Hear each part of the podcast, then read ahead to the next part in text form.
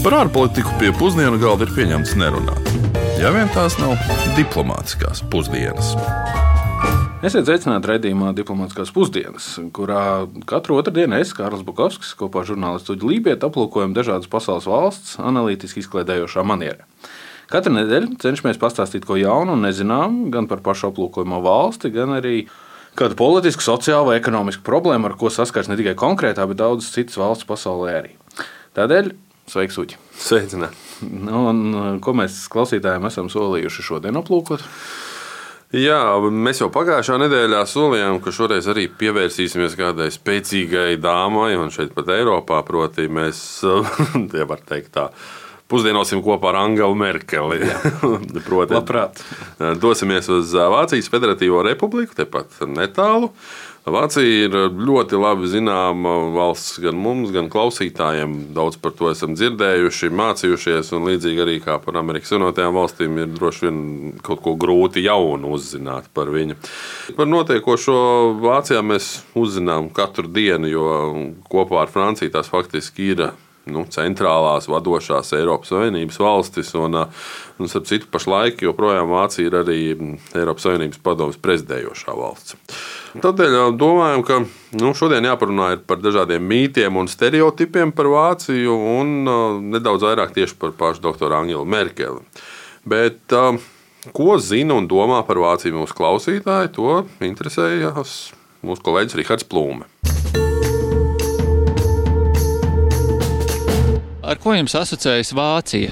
Vācija man asociējas ar, nu, kas tur varētu būt, kalni Mūris, protams, tas jau ir visaktuālākais bija vismaz manā laikā. Kas vēl ir Vācijā? Desiņas. Kārtība un nekārtība pašlaik. Vācija ar augstu dzīves līmeni un kultūru, no kā mēs varam ņemt piemēru. Vācija ar ļoti labu medicīnu, ar uh, pedantismu un uh, ar ļoti tādu struktūru kārtīgu. Ar kārtību, nu, ar tādu īstenībā tāda laimes sajūta. Desiņas un alus, Oktoberfest. Viedokļi daudz, bet reizēm sāk šķist, ka mūsdienu Vācija, Latvijā un laikam ne tikai Latvijā uzskata par gandrīz vai sapņu valsti. Apsolīto zemi. Apsolīto zemi jā. Vai tas tā ir patiesībā? Nu, zināmā veidā noteikti. Bet nu, ir, ir daudz lietas, kurām tomēr mums vajadzētu paskatīties detalizētāk. Nu, Pirms jau tas, ka Vācijā dzīvo nedaudz vairāk nekā 80 miljoni iedzīvotāju, no tiem 87% ir vācieši. 1,5% ir turki un pa 1% ir, ir, ir poļi un sīrieši.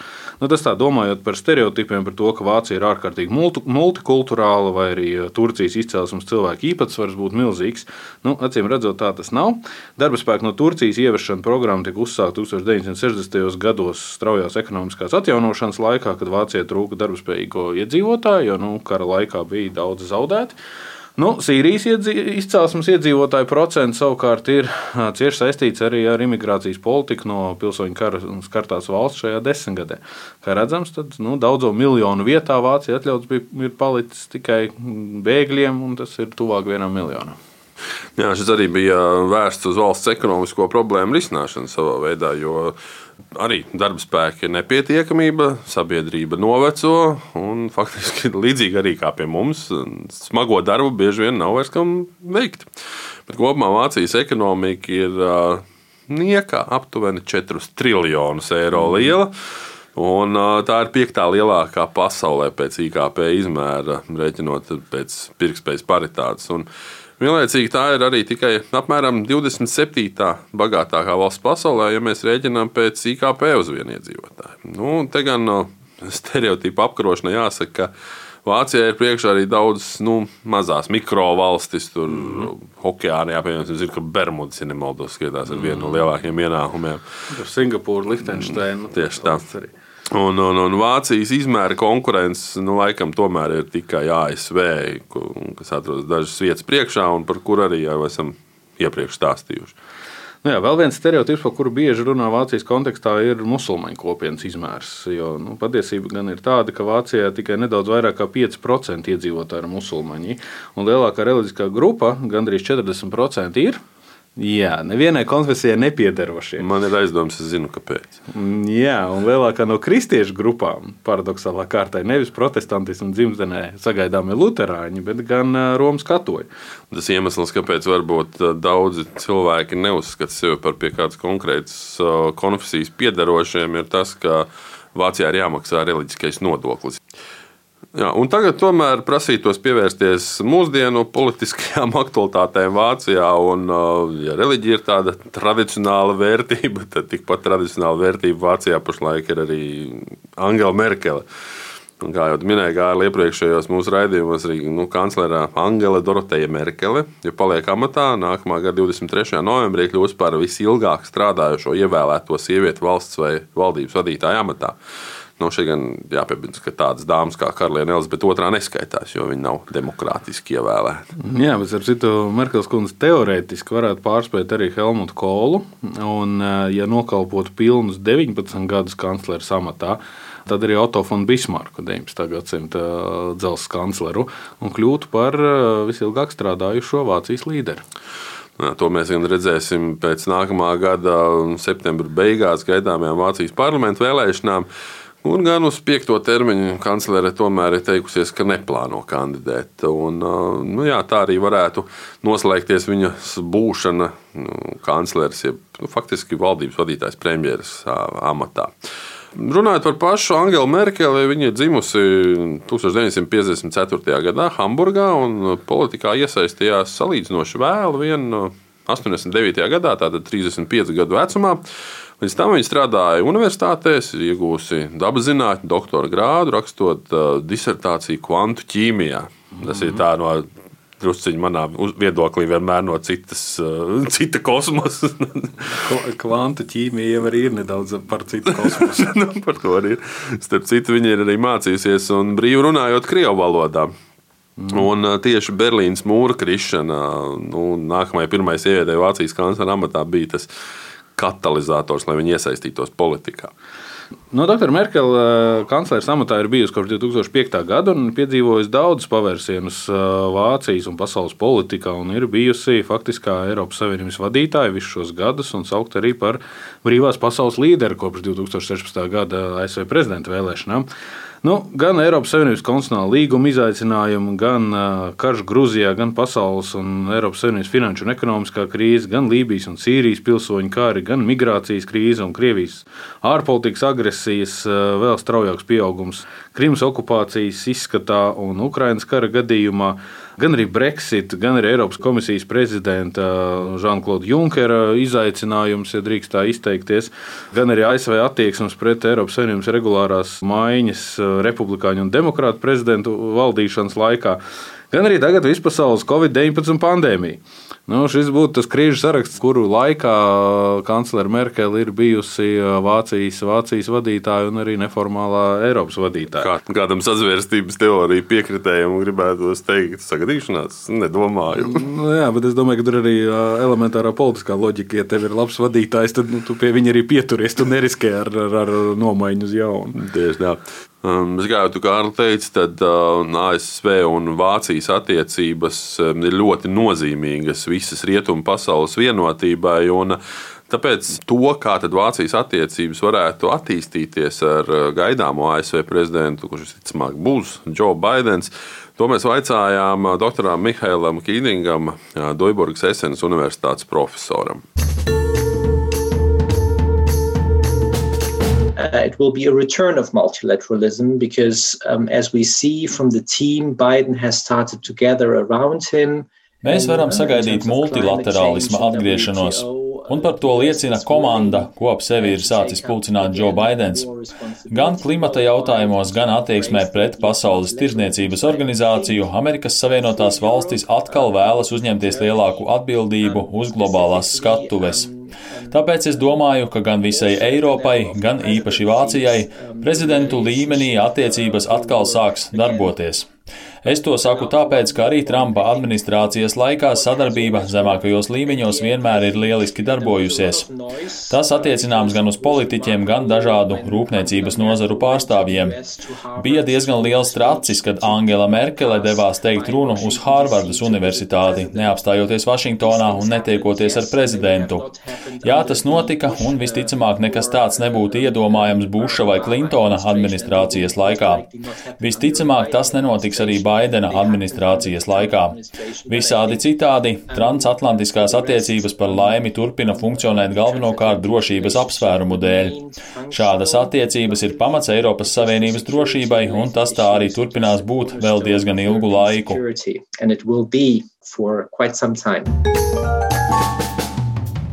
Un par to, vai ASV ārpolitika krasi mainīsies arī Džo Baidena prezidentūras laikā, ir nu, relatīvi maz pārliecības. Jo noteikti būs jautājumi, kurus viņš risinās arī pārņems no prezidenta Trumpa. Vienīgi, kad redzot, ko mēs varam sagaidīt, ir tas, ka risināšanas stils būs pavisam cits. ASV prezidenta sadarbība un attieksme pret Vāciju ir bijusi svarīga daļa arī no Latvijas ikdienas, jo abas valsts tomēr ir mūsu faktiskie strateģiskie partneri. ASV militāri un politiski, kamēr Vācija ekonomiski un politiski. Starp citu, to daudzi uzsver par to, ka arī šī Trumpa ieviesta attieksme pret Vāciju kā bagātu valsti, kas arī tomēr nepilda šīs savas saistības, tādējādi mazinot ASV lomu. Nu, šis uzstādījums laikam tomēr esot diezgan pamatīgi jau nosēdies amerikāņu zemapziņā, lai tas tik strauji mainītos. Bet par Vāciju mēs, protams, varētu turpināt un turpināt, un noteikti arī turpināsim. Bet Galu galā ne jau viss ir tik vienkārši un perfekti. Un, un kā jau katrā valstī arī nu, Vācijā ir savas nedēļas, un, un, un nevienmēr mēs varam runāt par izslavēto ordnungu, jeb kārtību.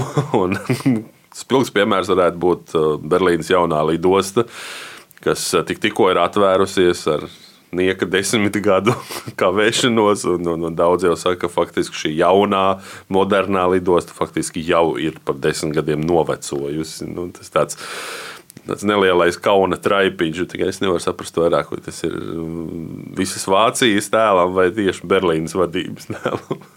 jā, bet ja mēs tā aizdomājamies, tad jā, viens, viens gadījums, ko mēs esam dzirdējuši pēdējos desmit gados, kas ir tāds būtisks Vācijas fēlers, arī izsakoties pusvāciski, tad es neesmu drošs, ka tas liecina, ka valstī nebūtu pamatīgi viss pārējais kārtībā tomēr. Lai cik būtu paēdis, vienmēr ir vieta arī desertam. Šodien uh, desertā prasītos kaut kas ēdienveidīgs, bet uh, manā uzturē Vācijas ēdienkarte ir ļoti līdzīga Latvijas ēdienkartei. Tāpēc līdzība, līdzība ir tiešām daudz. Jā. Un man tāpat tās vienmēr ir bijis viedoklis, ka mūsu kultūras saiknes ir bijušas diezgan pamatīgas. Mūsu saldē ir garšīgāk par vāciešu. Tāpēc mēs šodien vairāk par intelektuālo desertu, nevis ēdamo.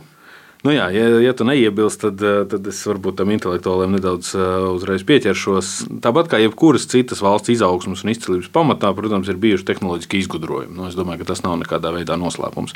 Tehnoloģiskās priekšrocības un inteliģenta to pielietošana ir palīdzējusi praktiski visām mūsdienu sabiedrībām kļūt par to, kas tās šobrīd ir. Nu, Vācija, protams, nav izņēmums. Tādēļ es domāju, ka ir vērts pieminēt, ka vācu zeltkalis Johans Gutenbergs, pilnajā vārdā gan būtu Johannes Gensfleisch Lādenē no Gutenbergiem, radīja apvērsumu pasaules vēsturē ne tikai izgudrojot tehnoloģiju, bet arī to padarot visas citas zināšanas pieejamas plašam cilvēku lokam. Nu, runa, protams, ir par grāmatu iespiešanas tehnoloģijas Eiropā radīšanu 1439. gadā. Nu, neskatoties uz to, ka pats Gutenbergs visu dzīvi cīnījās ar finanšu problēmām un bagāts tā arī nekļuva, iespiešana mainīja sabiedrības politiku, valstis un kļuva par pamatu gan tādiem milzīgiem pārmaiņu procesiem, intelektuālās attīstības procesiem, rietumu civilizācijā un pasaulē kopumā, kā renaissance, reformācija un it sevišķi jau apgaismības laikmets. Jā, bet kas ir interesanti, nu, tas tā no tavas mīlestības uz grāmatām pārceļoties uz uh, manu masu mēdīju lomu, tad uh, 1663. gadā vācu dzinieks un teologs Johans Fonrists uzsāka filozofisko izdevumu Erbauliche Monāts un Treidungen, kas tiek uzskatīts par pirmo žurnālu pasaules vēsturē. Un arī mūsdienu Vācijā lasīšana, arī žurnāla lasīšana ir ļoti populāra. Un, nu, tiek rēķināts, ka Vācijā ik gadu tiek izdots simt tūkstoši dažādu izdevumu. Un tas arī to padara par vienu no drukājošākajām valstīm pasaulē. Nu jā, un ar šo arī izskan mūsu ik otrdienas diplomātiskās pusdienas, kas šoreiz bija par Vāciju, bet nākamā nedēļa būs jau nu, pēc klausītāju lūgumiem jau atkal par Turkmenistānu. Redījumu varat klausīties gan Latvijas Rādio 1 arhīvā, gan jūsu iecienītajos Spotify, Apple vai Google podkastos. Reizēm podkāstu ieraksts ir nedaudz garāks arī par radio eterā skanējušo. Tāpēc uz sadzirdēšanos arī nākamajā nedēļā. Lai izdodas! Diplomātiskās pusdienas katru otrdienu pusdienos Latvijas Rādio 1.